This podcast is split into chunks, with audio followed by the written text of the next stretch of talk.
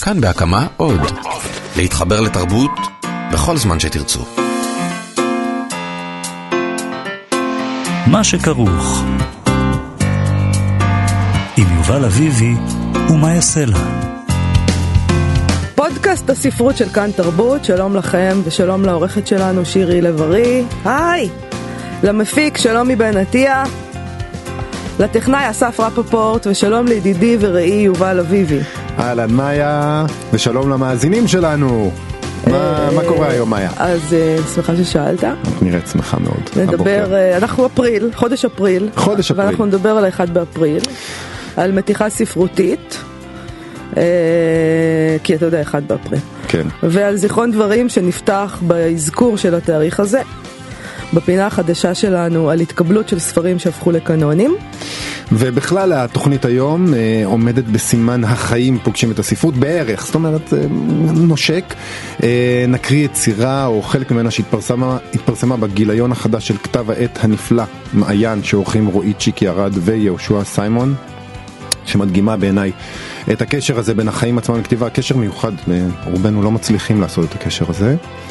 ונדבר גם על כסף, שזה דבר חשוב לחיים והיצירה לרוב לא מביאה אותו, זה מקשה על איפה החיים. הכסף? אין, אין כסף ביצירה, וזה באמת מקשה על החיים עצמם. גם של אלה שהם לא סופרים, כן, אבל טוב. כל מי שיוצר. אז אנחנו. נראיין את הסופר יונתן יבין על משמר התמלוגים. משבר. בספרי- משבר, בספריות הציבוריות. אוקיי, כן. אגב, אולי הוא באמת הצליח להסביר לנו את מה שאני בחיים לא הצלחתי להבין, מה הולך שם. מה הולך שם? אני לא, לא מבין, למה לא אוקיי. נותנים להם כסף? תנו להם כסף. אוקיי. וגם אה, מתח שבין החיים לכתיבה שמתגלם בפתק קטן שאימא אחת של משורר אחד שלחה לו ללונדון זה פתק אדיר ואנחנו נקריא אותו אבל נתחיל. מאיה, מה מעסיק אותך היום?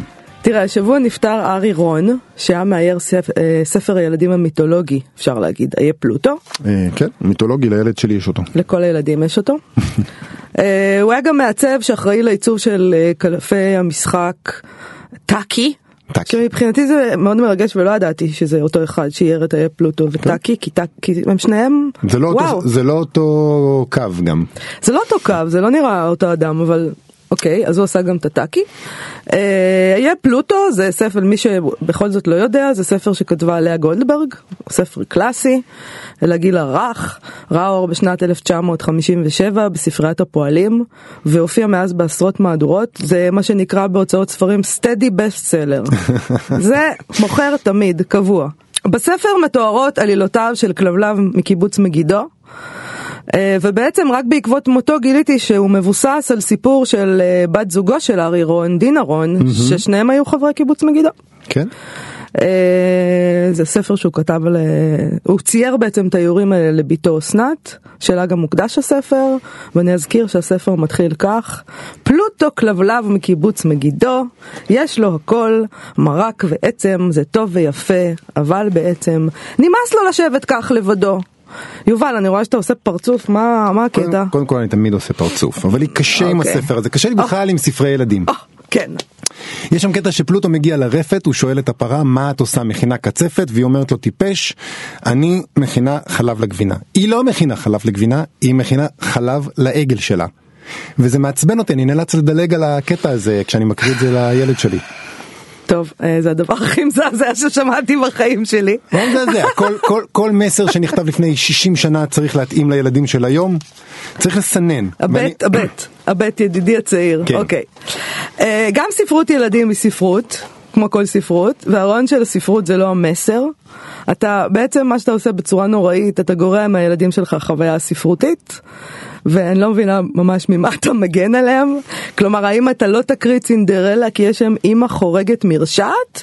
יש שם גם, יש בעולם הזה גם אימהות חורגות מרושעות וצריך לדעת להתמודד עם זה, ויש אנשים שאוכלים את החלב של הפרה, לדעתי רוב האנשים בעולם. כן, רובם. אה, ותראה מה זה, אני הקראתי לבת שלי את איה פלוטו והיא טבעונית בסופו של דבר כי זה מה שהיא בחרה. ומה שאתה קורא, מה שקורה בעצם בעיניי זה שאתה מצנזר לילד שלך את המציאות. כן, כן. שהיא אני- לא בדיוק לפי הערכים שלך ושל אשתך. אתה- זאת אחת הבעיות, אני חושבת שאם אתה רוצה. אתה יכול לנהל, אוקיי, זה, זה בתוכנית אחרת. זה אה, בתוכנית אחרת, כן, כן. בטיפול הזוגי. אה, אני חושבת שאם אתה רוצה אתה יכול אחרי זה לנהל דיון עם הילד. ועל על הטקסט. אבל לצנזר, וזה גם טקסט חרוז, אתה מחריב את החרוזים בטקסט, כאילו, כי אתה אני תל אביבי נודניק. אני חורז בעצמי כי אני איש של מילים אז אני, ממש, אני, בסדר. אני, אני מגשר מעל הדבר הזה אוקיי. ואני עושה את זה עם הרבה ספרי ילדים באריה שאהב תות כן. זה ספר שכל הזמן אימהות מכינות בו אוכל אז אצלי כשאני מקריא את זה לפעמים זה אבא ולפעמים אימא. אה, אתה כמו קריקטורה, ב... כן, של קריקטורה. תל אביבי. קריקטורה של אה, תל אביבי. באיזה עוד ספרים אתה מצנזר? אני מצנזר כמעט בכל דבר, אני מצנזר אלימות, הוא בן ארבע וחצי, זה לא שהעולם בחוץ לא מגיע אליו, הוא לא צריך ללמוד תחשוב שנשים מכינות שהילד אוכל. הזה יחשוב יום אחד, זאת אומרת, הוא יגיע לאיזה רגע כזה שהוא הוא יחשוב שבעולם הזה אנשים לא שותים חלב, כי אצלו. בבית. כן. הוא, ואז- הוא בעצמו שותה חלב, הוא יודע ששותים חלב, ואני אני אגיד לך מה הבעיה באמת, הבעיה באמת שהוא יותר חכם ממני, ואנשים אחרים, אחרים מקריאים לו את הספרים האלה ולא עומדים באותם חוקים, ואז כשאני אה, אומר לו משהו, אני מקריא את זה בדרך שלי, הוא אומר לי, אבא, אה, תקריא את זה נכון. טוב, נעבור. בוא, בוא, נעבור למשהו קליל יותר. אוקיי, האייטם הראשון אה, שלנו היום. האייטם הראשון שלנו. היום. אז אה, תשמעי, היה אחד באפריל, יום המתיחות הבלתי נסבל, נכון. אבל נתקלתי במתיחה אחת אה, ספרותית שהיא הייתה נסבלת. אה, של הסופר יונתן ילון, הוא כתב ספר המלך צ'ינגיס הראשון, יצא בהוצאת גרף. ספר אחד, ראשון, ביקורים. ספר כן. ביקורים, והוא שיתף בפייסבוק צילום של אה, כתבה לכאורה מאתר הארץ, שעליה חתומה לא פחות מאשר העורכת שלנו, שירי, שירי לב-ארי. שבאמת הייתה כתבת אה, הספרות אה, של הארץ פעם. נכון. הכתבה אומרת שהוא זכה בפרס הפוליצר. הפוליצר. על אה, פוליצר סליחה על אה, ספרו המלך צ'ינגיס הראשון אה, אה, ולמרות שהספר בכלל לא תורגם עדיין אה, לאנגלית אה, היו לא מעט שהאמינו הפוסט גרר כמה מאות לייקים שבאופן יחסי לפי מה שראיתי בעמוד שלו אה, זה די הרבה בשבילו. נחמד, גם מתיחה, לא רעה, גרר לעצמו יחסי ציבור, הזכיר את הספר שלו, מצחיק. לא יודעת, לא, אותי זה לא כזה הצחיק. קודם כל, אחד באפריל והמתיחות זה דבר מאוס. זה דבר מאוס, יש כל מיני דברים כאלה שזה נחמד שאתה עושה אותם, אבל כשאחרים עושים אותם זה קצת מסריח. כן, זה לא דבר מזיק, אבל אם אני רוצה לחשוב כמו חוקרת ספרות מהאקדמיה שלך, כן. אפשר היה לנסח איזה טקסט פרשני על תאוות הפרסים והיח"צ של הסופרים. מה, מה היית אומרת בטקסט כלומר, הפרשני הזה? שמתי לב שלסופרים יש יחס אמביוולנטי לפרסים, בעיקר כשהם לא זוכים בהם. אה, ואז הם אומרים שהספרות חשובה ולא הפרסים, שזה נכון, אוקיי. אבל מעניין שהמתיחה שלו זה לא שנכתבה עליו ביקורת מהללת בניו יורק טיימס, אלא על פרס, בסופו של דבר, אוקיי? מצד שני, אה, כל מה שאמרתי עכשיו, וכל היחס שלי למתיחה, כן. היחס קפוץ הישבן שלי קפוץ ישבן. למתיחה. זה התפקיד שלי להיות קפוץ ישבן, לא? נכון, גנבתי לך קצת. זה מזכיר לי את המערכון של דן בן אמוץ, איך להרוס בדיחה. כלומר, הוא עשה דחקה ועכשיו אני תראי, עושה פרצוף ומנתחת את זה. תראי, בדיחות זה לא דבר של מה בכך, פרויד יש לו תיאוריה שלמה על בדיחות והדרך שבה הן נכון. חושפות על המנגונים הנפשיים שלנו, אבל אני לא חושב שהוא מסתיר את זה, את באה אליו בטענות, מה, יש סופר שיסתיר שהוא רוצה אה, פרסים וכבוד, ברור שהתשוקה שלו היא לקבל אה, פרסים, ו- הוא עשה את זה בדרך חיננית, סחף לייקים, פרסם את הספר שלו ואפילו איזה חיוך או שניים. ומישהו הלך לקנות את הספר בעקבות הדחקה הזאת? אני לא יודע. אני לא אוקיי. יודע, אבל פרסום אה, אה, עובד אה, בדרכים היסטוריות, הוא הפגין רוח ספורטיבית. אה, אה, והוא עשה את זה בהתאם למה שדורשים היום מסופרים. דורשים מהם לקדם את הספר שלהם, להיות בעצמם הספר, להחיות אותו ברשתות החברתיות, לפתוח בעצמם בעמוד פייסבוק. כאילו לתת לו כל מיני בוסטים כאלה, שזה משהו שפעם לא דרשו מסופרים. פעם נכון. סופר כתב את הספר, ואז כאילו היו אנשים ש- ששיווקו אותו. אז אה, בוא נגיד שהוא הצליח כי אנחנו מדברים על זה עכשיו. עובדה. ונעבור הלאה אה, לאדם צנוע שאף פעם לא עושה לעצמו יחסי ציבור, קוראים לו רועי צ'יקי ארד, כן. אה, עורך שעורך ביחד עם יהושע סיימון את כתב העת הנהדר מעיין, וגם משורר וגם לשירה עיתונאי בספרות, ו- משורר. עיתונאי וסופר ואיש איש, אשכולות, איש רב אשכולות, אדם אה, שלא, שלא ממצמץ מול החיים. נכון, וחתיך. אה, הוא מחזיק מעמד המון שנים מעיין, אה, מדהים. משנת 2005, 12 שנה, זה דבר מאוד מאוד יפה. התפרסם עכשיו גיליון 13 שלו, נכון. רוב המגזין הוא שירה, נכון. אבל יש בו כמה יצירות פרוזה. ובגלל שאנחנו כאילו היינו בראש של החיים והיצירה, תפס אותי טקסט של תהילה חכימי, שהיא משוררת, והוציאה... חכימי. חכימי, סליחה. יש לי בעיה עם אה, לבטא מילים. אוקיי. היא משוררת והוציאה ספר שירה שנקרא מחר נכון. נעבוד בהוצאת טנג'יר. אני מאוד אהבתי את הספר הזה.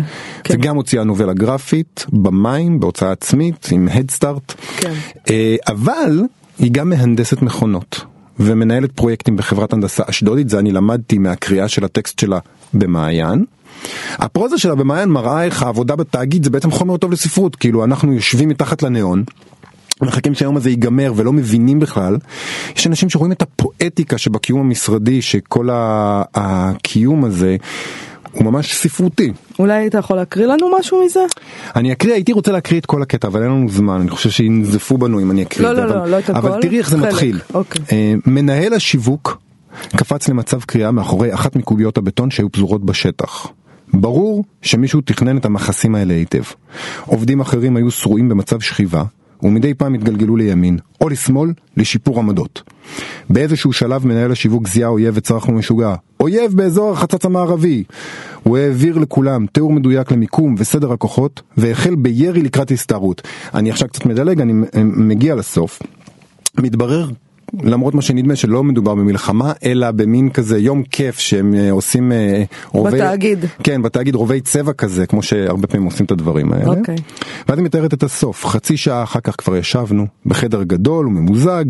נערים ונערות צעירים עובדים של חברת הקייטרינג עברו בינינו והגישו למי שרצה שתייה קלה ומשקאות אלכוהולים צוננים. הסתכלתי מסביב היינו שחוטים מישהו מהצוות של המכירות חטף פגיעה בפנים, הוא היה חבוש. מנהלת כוח האדם עלתה לבמה. כחלק מיום הכיף השנה, היא פתחה. החלטנו להעניק פרסים לעובדים המצטיינים של הרבעון, מחאנו כפיים בהתלהבות. אז בהתחלה אתה חושב שמדובר, זה מאוד יפה, נכון? בהתחלה אתה חושב שמדובר במלחמה, ותוהה למה, למה אנשים שם מצוינים בתפקידיהם, נכון? למה אומרים במלחמה שהוא מנהל שיווק? אבל זה חכם, כי במלחמות מנהלי שיווק הולכים להילחם, זה, זה המלחמות שלנו, מנהלי שיווק ו- ופרדסנים ו- ו- ועובדי ניקיון ו- וברמנים, כולם הולכים להילחם, וזה באמת ככה, מנהלי השיווק יורים. אמ, זה יפה איך שהיא עושה את זה ואחר כך היא הופכת עלינו את הסיפור, זאת אומרת, היא מבהירה שמדובר ביום כיף תאגידי ואתה אומר אוקיי אז זה לא מלחמה אבל זה כן. זאת אומרת אה, הפרשנות נהיית הפוכה שבתאגיד התפקידים הם תפקידי מלחמה. להיות מנהל שיווק זה מלחמה. יש שם יחסי אה, כוחות אה, אלימים. במיוחד בחיים שלנו כאן שרוויים במלחמות זה מעניין לראות את הקשר הזה ו- וזה יפה איך שהיא רואה את זה ומשתמשת בזה ביצירה שלה אהבתי את זה. מאוד יפה, אני מסכימה. מסכימה איתי? כן, לפעמים קורה שאני גם אוהבת משהו שאתה אוהב, אה, למרות שיש לך טעם מזעזע.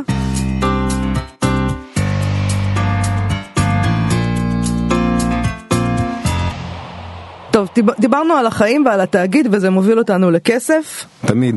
בלינג, אה, איתך תמיד בבלינג בלינג. אני, אני מציעה שתקריא לנו משהו שכתב הסופר הילדים אלכס פז גולדמן, כן.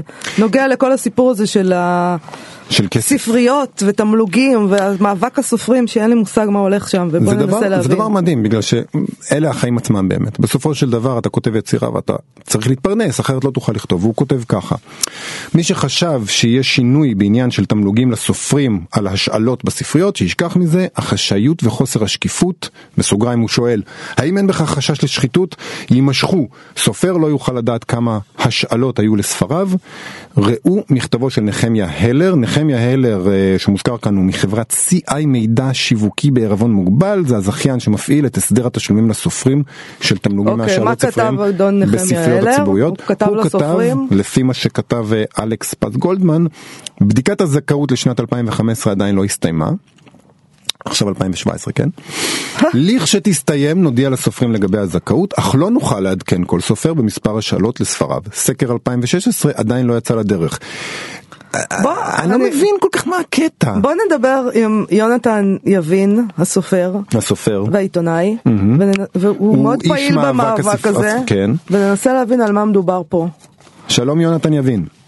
שלום שלום. אהלן יונתן. מה, מה נסגר? על מה מדובר? כן. אתה יכול להסביר לנו את הסיפור הזה של הספריות, התמלוגים?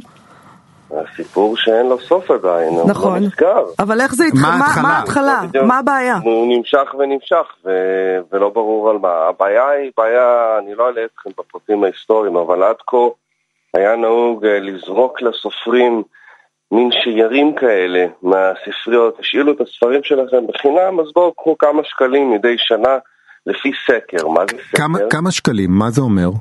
כמה, סכומים מאוד זניחים, סכומים מאוד זניחים. תן דוגמה. הכי, אתה יודע, לפני אלף שקל, אלף חמש מאות שקל. לשנה. ל- לשנה. אוקיי. אה, הסופרים הכי מפורסמים שמשאילים את הספרים שלהם אלפי פעמים בשנה היו מקבלים, יש תקרה של 24 אלף שקלים, היו מקבלים את התקרה הזו. אוקיי. עכשיו, ה- הקטע המעניין הוא הסקר, מה זה סקר? הייתה איזושהי חברה שנתנו לה לעשות את הסקר הזה במשך שנים, היא הייתה מתקשרת ל-20 ספריות במגזר היהודי או משהו כזה, ועוד חמש ספריות במגזר הערבי. זו חברת CI מידע שיווקי? זאת החברה שהזכרנו? לא, לא, זו, זו חברה חדשה. אה, אוקיי. לא, לא, אין, אה, לא, לא, נא לא להשחיר את פניה של החברה שאנחנו תולים באיזושהי תקווה קלושה, אבל אה, גם לא מרובה. החברה הקודמת, אה, מרטין הופמן שמה, עשתה את הסקר במשך שנים, התקשרה לקומץ ספריות מתוך אלף ספריות בארץ, ושאלה את מי שבמקרה ענה, את הספרן או הספרנים, כמה ספרים ושל מי השאילו השנה. והם היו מסתכלים, אני, אולי, אולי במקרה הכי אופטימי בודקים בכרטיסיות באמת מי, ש- את מי השאילו, או עונים מהזיכרון, שזה מה שאני הייתי עושה אם הייתי ספרן. ממש, זה מטורף, זה הזוי. עכשיו נשאלת השאלה, למה, למה משנת אה, 2000 ומעלה פשוט לא מעבירים את הנתונים שמצטברים במחשב של כל ספרייה לאיזה מאגר מידע ומשלמים לסופרים? למה באמת זה סוד? כי אתה חושב שהם, ש, שהם יצטרכו לשלם יותר אם הם יחשפו כמה הושאלו? אני חושב שזה מניע אחד, והמניע השני זה שזה פשוט עוד, עוד איזושהי עצלות בירוקרטית שמאוד אופיינית למדינת ישראל, שבמקום להקים מאגר מידע מהימן, שקוף, שמעביר פרטים בזמן אמת, פשוט, אה, אני יודע מה, עושים סקר, מתקשרים ל-20 ספריות מתוך אלף כמדגם מייצג בעליל, לא. ודבר נוסף שיש כאן זה הסכום המגוחך שמייעדים לתמלוגים האלה. אה, לתקבולים האלה שמפחדים לקרוא להם תמלוגים, כי בעצם מגיעים לנו תמלוגים האלה, השאלות מסחריות של הספרים שלנו, רק כן. שהחליטו שאנשים הולכים לספרייה, הם מקבלים את הספרים בחינם. עם זה אנחנו מאוד, אנחנו מאוד בעד העניין הזה, אבל למה על חשבוננו? צריך לסבסד את העניין הזה, צריך לשלם לנו בש- בשביל זה שייתנו לאנשים בחינם להשתמש בספרים שלנו מסחרית. עכשיו, התקציב הזה, שזה עמד כל השנים על משהו מגוחך כמו שני מיליון ורבע שקל, כולל דמי התפעול של הסקר. ברור. לא יודע כמה הם היו. כן. זה נשמע די הרבה, אבל אולי כאילו, הוא- זה, כן. הוא ממש נמוך, נכון, כי הוא מיועד לכל הסופרים והסופרות בישראל. והתקציב שאנחנו, ויש 15 מיליון השאלות בשנה. רגע, יונתן, אני רוצה להבין משהו. רגע, זה יש מעניין, חוק, 15 מיליון השאלות בשנה? נכון. זה מה אם שאמרת. מעלים את התקציב ל-15 מיליון ש"ח, שזה, אתם יודעים, זה נשמע גם המון, אבל זה פשוט טיפה. מה זה טיפה? זה אפילו לא מולקולה תקציבית. אבל אז מדובר באמת על פחות משקל כי זה ל- להשאלה, כי אוקיי, בסדר גמור. וזה לספרים, זה לסופרים, זה לאנשים שבאמת פוגעים בהם, זה שכבה מוחלשת, צר לי להגיד, אנשים שפוגעים בהם בכל דרך, שהשוק שהם עובדים הוא לא מאוזן, שצריך איכשהו לדאוג להם, בוודאי בעם הספר המהולל. מי, מי, מה- איפה זה עומד כרגע? מה מה אתה צופה פני עתיד? כרגע זה עומד שאנחנו עשינו אמ, לא מעט רעש, ולפיכך הוקמה ועדה על ידי שרת התרבות אה, מירי רגב, אה, שהבטיחה לדאוג אה, לברר את העניין. אנחנו ביקשנו ואפילו דרשנו שחבר מטעמנו ממטה המאבק יישב בוועדה הזו, לא קיבלנו תשובה בכלל, לא חיובית ולא שלילית, אז הבנו שהתשובה שלילית, אה, והוועדה התכנסה לפני כחודש אה, ויותר, חודשיים אפילו, אה, הגשנו, את- אנחנו הגשנו את אה, בקשותינו בכתב, אזרחים הגישו את בקשותיהם בכתב, ועכשיו היא אמורה לשבת על המדוכה. אנחנו נותנים לה אה, איזה שהם, אה, איזושהי תקופה של חסד כדי לוודא שבאמת יש איזשהו, אה, אולי לבדוק אם יש איזושהי כוונה נאצלת לדאוג לנו. אני רוצה אם להבין לא, משהו, יונתן. יונתן, יש חוק שאומר שאתם אתם, אתם אמורים לקבל תמלוגים על, על השאלת ספרים? לא, לא, מה פתאום? יש חוק שמגן על המוסיקאים, אוקיי. יש חוק שמגן על אנשי הקולנוע, אוקיי. יש חוק שמגן על כולם חוץ מעל אלה ש... אז אולי אתם צריכים ללכת. לכיוון של חקיקה, לא? חשבת על זה? אנחנו קודם כל אה, נוקטים גם כן באמצעים משפטיים, אה, יש לו, אה, מייצגת אותנו עורכת דין, ואנחנו אה, פנינו גם כן לחברי כנסת, ואנחנו מתקדמים, מתקדמים גם במישור הזה, אבל אנחנו באמת רוצים לנסות לפתור את זה קודם כל בוועדה הזו המיוחדת, שיכולה באמת בהינף קולמוס לפתור את הבעיה הזו בתקציב שהוא תקציב יחסית, כמו שאמרתי, נשמע גבוה, אבל יחסית מאוד נמוך. שיכול באמת לדאוג לפחות בקצת למצוקה של ישראל. אוקיי, אה, אני מודה לך מאוד. ואני מאחלת לך בהצלחה, ונשמח לשמוע בעתיד. כן, אם דברים משתנים, תודיע לנו. כשתצליח, אז תבוא ונדבר על זה. אמן, אני אקנה לכם אפילו קפה. טוב, תזכור את זה, אני אז- אזכיר לך. כי- אנחנו עיתונאים, אנחנו באותו מקום. תודה רבה, יונתן. זה יהיה נס של עילית. נס קפה, יאללה, תודה. תודה ליונתן יבין, סופר ואיש מאבק הסופרים. אה, אני רוצה להקריא לך משהו, אה, יובל, שקשור לסיפור הזה, לי וליונתן. אה, שמצאתי בבלוג, שאני מאוד אוהבת, שמנהל יצחק בר יוסף ממכון גנזים. מת על מכון גנזים. שהוא מעלה לשם חומרים מהמכון. מכון גנזים זה הארכיון הגד- הכי גדול אני חושבת של הספרות העברית, יש שם אוצרות, זה מקום מהמם. נמצא בבית אריאלה. הוא, זה קשור לכסף, הוא העלה מכתב שכתב המשורר הנהדר והגדול אורי צבי גרינברג. אה, זה מכתב שהוא כתב בעשרה באפריל 1942. הוא בעצם מסביר למה הוא מחזיר, אורי צבי גרינברג מסביר למה הוא מחזיר לאגודת הסופרים העברית חמש לירות ארץ ישראליות שנשלחו אליו כסיוע מכספי תרומה, סיוע לסופרים. הוא מחזיר אותן. הוא מחזיר, הוא- והוא כותב ככה, כן. הוגד לי שנפלו בחלקי חמש לירות ארץ ישראליות מנדבת הדוקטור רוטבלוד לסיוע סופרים. זה שם אדיר, עוד רוטפלוט. אני מתכבד להודיע שאני מוותר על חמש הלירות הארץ יש- הישראליות הנ"ל, ואני מבקש להחזירן לידי הדוקטור שוודאי נתכוון לטובה. אינני יודע כיצד הגיע שמי במסגרת הנדבה הזו. מכל מקום, הדבר גרם לי דאבה. העליבו אותו, זרקו לו. אבל אני לא מבין, זה, זה לא אותו דבר, תמלוגים ונדבות. נכון, זה לא אותו דבר, אבל יש איזה קשר כללי למצב של הכלכלי של סופרים, להתעסקות שלהם עם כסף, להתייחסות אליהם כאל קבצנים, שצריכים ככה לחזר אחר פתחים. הנושא של הספריות, אה, כמו שאני רואה את זה, אמור להיות מוסכם. אה, צריך להיות איזה חוק, זה לא צריך להיות איזה מין דבר שמישהו עושה לך טובה, אה, ועדיין גורמים להם להסתובב כמו קבצנים ולהתחנן על מה שאמור להיות שייך להם, וטבעי וברור. אז מאז אפריל 42 לפחות ועד היום דברים לא השתנו, בוא נגיד. אגב, דברים שהשתנו מהעבר, יש לנו פינה חדשה. נקרא לה אין נביא בעירו. טה דה דם טם.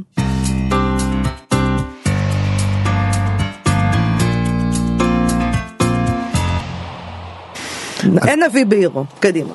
אז ככה מאיה. כן. אנחנו נרצה לפעמים לחזור ליצירות שהפכו לקלאסיקות ישראליות שנכנסו לקאנון ולבחון איך הם אה, התקבלו בזמן אמת. אז היום רצינו לדבר על ספר ענק באמת, זיכרון דברים של יעקב שבתאי. שיצא ב-1977 בהוצאת הקיבוץ המאוחד.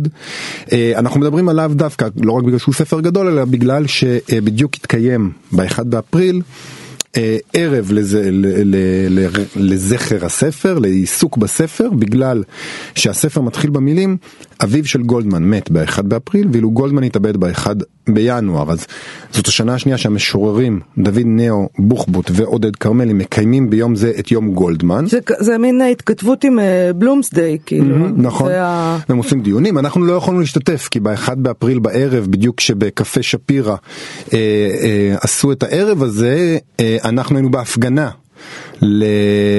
למען התאגיד השידור שבו אנחנו אה, משדרים אה, עכשיו, אבל היינו שם ברוחנו גם.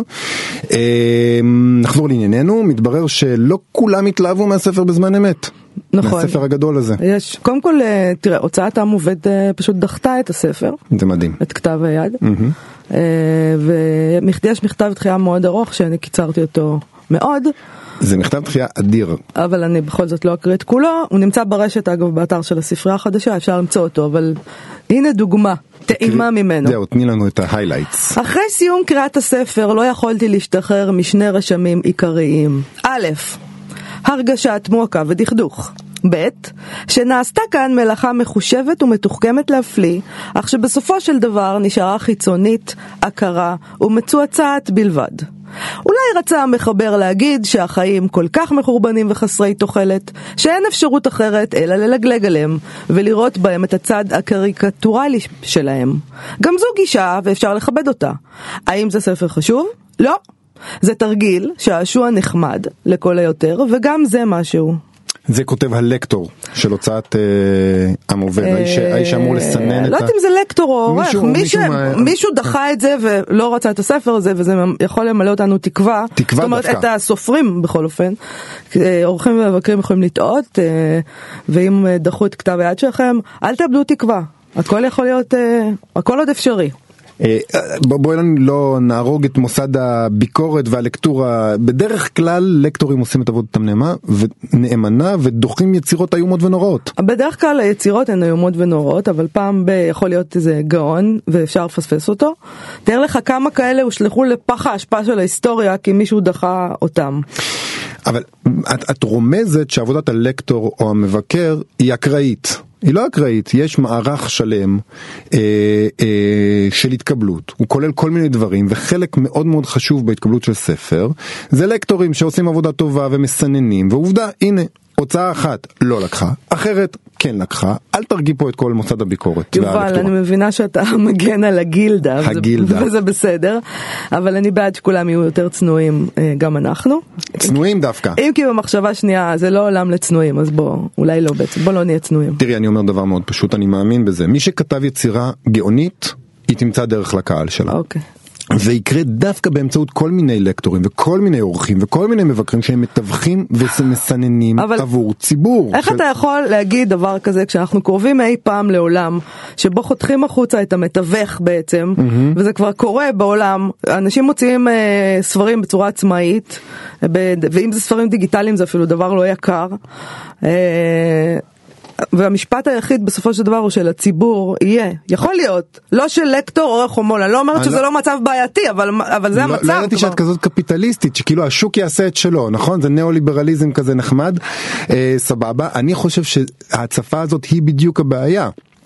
כל השוק מוצף ביצירות שחלקן יוצאות בדיגיטל בהוצאה עצמית וחלקן מהוצאה וכאילו הכל אותו דבר. אז לא דווקא עכשיו כשיש כזאת הצפה ללקטורים ולאורחים וכן גם למבקרים ואפילו לאנשי האקדמיה יש תפקיד להגיד תקשיב. מה לקרוא ומה לא. יכול להיות שזה בעייתי, אני לא אומרת שזה לא בעייתי ההצפה הזאת, אבל יכול להיות גם שזאת המציאות שצריך להתמודד איתה, אבל בוא נתקדם מפה רגע, כי אנחנו לא נפתור את זה עכשיו, אוקיי. ונדבר רגע על הורים. על הורים. הורים זה גם עניין, עניין אה, מוצף. בעיקר אימהות, גם אבות. מצטערת, אין אין לא, אתה אתה כן גם האבא אבות. החדש זה משהו, תשמע המשורר אייל שלום מוציא בימים אלה את ספר הביקורים שלו ג'וני נהדר. כן, נעדר בעין, בעין. ג'וני נעדר, בהוצאת העם עובד. כן. אה, ואני אפשר היה לחשוב שההורים שלו מאוד התרגשו, לפחות אימא שלו. אבל זה לא בדיוק כנראה מה שקרה, ספר מה הלך שם. סיפור אדיר, אני אוקיי. מת על זה, אני ממש מת על זה. אה, אה, אני אספר את זה ואחרי זה גם נקרא איזה שיר שאת בחרת. אני אוהב את, את הסיפור הזה כי, כי באמת החיים והשירה מתנגשים בו במלוא העוצמה. יש את, ה- את, ה- את, ה- את ההר הגבוה, הפסגה הזאת של השירה, של מקצוענות, של מילים, של לדקדק את הדברים, ואז פתאום יש את החיים. שפשוט ממוטטים את כל... תסביר מה קרה. אני מסביר. אייל גר בלונדון. אוקיי. יצא הספר שלו בהוצאת עם עובד, הוא רחוק מהוצאת עם עובד, הוא ביקש מאימא שלו שתאסוף את העותקים שלו מההוצאה ותשלח לו. ועל הדרך גם שאל אותה אם היא קראה את הספר. אה, היא אכן שלחה אליו את העותק, אה, וצירפה פתק, והפתק הזה היה כתוב כך. ואימא שלו כותבת למשורר, אוקיי. עדיין לא קראתי, היה צריך להעביר את האוטו טסט, ולא היה זמן. אבל ממה שקראתי על העטיפה, באמת נראה לבבי. לבבי. תכתוב לי מתי אתה מגיע, צריכה שתביא עוגות גזר. מתעניינת לפרקים? אמא. וזה אדיר, כאילו כל הרצינות הזאת של להוציא לא, האישה ספר ולכתוב שירה ופתאום, אה, כן, צריך אה, לעשות טסט לאוטו, מה, ומה מה עם עוגות הגזר? תקשיב, זה אה, החיים עצמם, זה נהדר, ודרך אגב, אפשר היה לרווח את הפתק הזה שהוא בעצמו יהיה שיר, זה. פשוט נהדר. תקשיב, אני חושבת שאני מתה על אימא שלי, על שלום, על אף שאני לא מכירה אותה, אני כן. חושבת שהיא מדליקה, אוקיי? זה פשוט מתעניינת לפרקים, זה, אני רוצה לאמץ וגם לכתוב לבת שלי ככה. ממש, ממש. אה, אני רוצה גם לציין שהספר הזה מוקדש לה, והוא כותב לה, לאימי שחיבקתני בקפידה. גם כן ברכה שאפשר לדון בה, לחבק אני בקפידה. חושבת שהחבר'ה האלה יש להם חוש הומור משובח והם חמודים. הם חמודים, אבל יש שם משהו. אני משהו לא קורה להיכנס, שם. לא, לא רוצה להיכנס לפסיכולוג- לפסיכולוגיה בגרוש של אני של ילדים בחרתי משהו. שאתה תקריא, אני אקריא. כן, שיר שאני מאוד, יש המון שירים שירים שאהבתי אבל אה, את יקיצה דווקא. אנחנו גם כן לא נקריא את כולו, נקריא את כולו? תקריא את כולו, כן, בוודאי שאת כולו, כן. וואי, זה ייקח הרבה זמן. לא זה לא ייקח הרבה זמן. בסדר, אני אקריא אז מהר. מה זה לא להקריא את כולו? איזה מין דבר זה? סליחה, לא יודע על מה. חשבתי. יקיצה, נוגה מוזר על כיכר טרפלגר. באדנים מונח האור, פעור כריבוע חלונו. ויסטריה אחת שורחת צבעיה, והיין נותר גמיש על לשונו. נוגה מוזר על כיכר טרפלגר, הלא נאמר, כה נצטדלה דעתנו בשוכבנו בגנים. אך ידיעות סותרות על ערותנו, מובאות לידיעתנו, והעין בתעופתה הוזה גגות ורודים. כל הלילה הלמו פרחים כבדים בחלוננו, כל כך ורודים בהצטררם לכדי ענף פריחה. בבוקר נמצא כרות על הרצפה, ויש לקום, לאסוף, אך אי אפשר. בשעת יקיצה כה משכנעת, כשעל כיכר טרפלגר דולק נוגה מוזר. באמת שיר יפה מאוד. מדהים. שיר פנטסטי. שיר אה, נהדר, שבעצם אה, חותם את התוכנית שלנו, על החיים נכון. ועל הספרות. על החיים ועל המוות. אה, לא, על המוות בפעם אחרת, אה, היה מאוד נחמד אה, לשוחח איתך היום. תודה רבה. עצבנת אותי. פה ושם, אבל בסדר. ראיתי, ראיתי. כן. אמרת שאני עושה פרצופים, אבל עשית פרצופים נכון. עשיתי לך פרצופים, חבל הח- זה החיים עצמם. חבל שהמאזינים לא יכלו לראות, בהזדמנות. אנחנו עוד נראה להם. אנחנו נודה לעורכת שלנו שירי לב ארי, למפיק שלומי בן עטיה, לטכנאי אסף רפפורט, ולכם המאזינים, תודה שהאזנתם לנו. תודה יובל אביבי, תודה מאיה סלע. ביי. ביי ביי.